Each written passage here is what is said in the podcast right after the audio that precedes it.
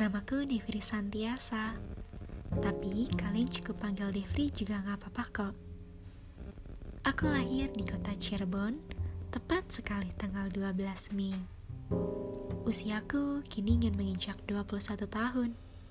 Wow, sungguh waktu berjalan begitu cepat ya.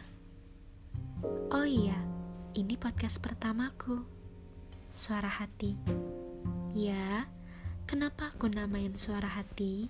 Karena aku ingin selalu menyuarakan isi hati.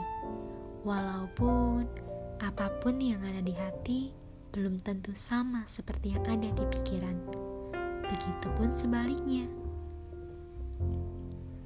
Oh iya, tak kenal maka tak sayang bukan?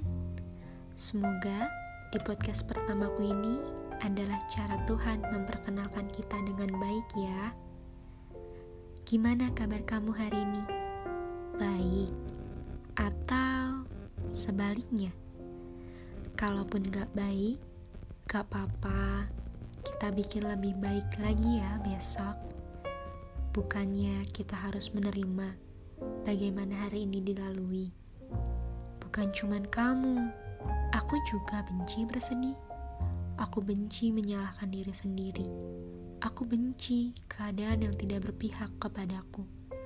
Tapi, kamu jangan khawatir. Kalau bahagia tidak selamanya, begitupun kesedihan kan? Ya, kesedihan pun tidak selamanya sedih. Jadi, ayo berhenti bersedih dan lakukan hal-hal baik. Eits, tenang. Kita tidak akan berpisah kok. Kita bertemu di podcast selanjutnya ya.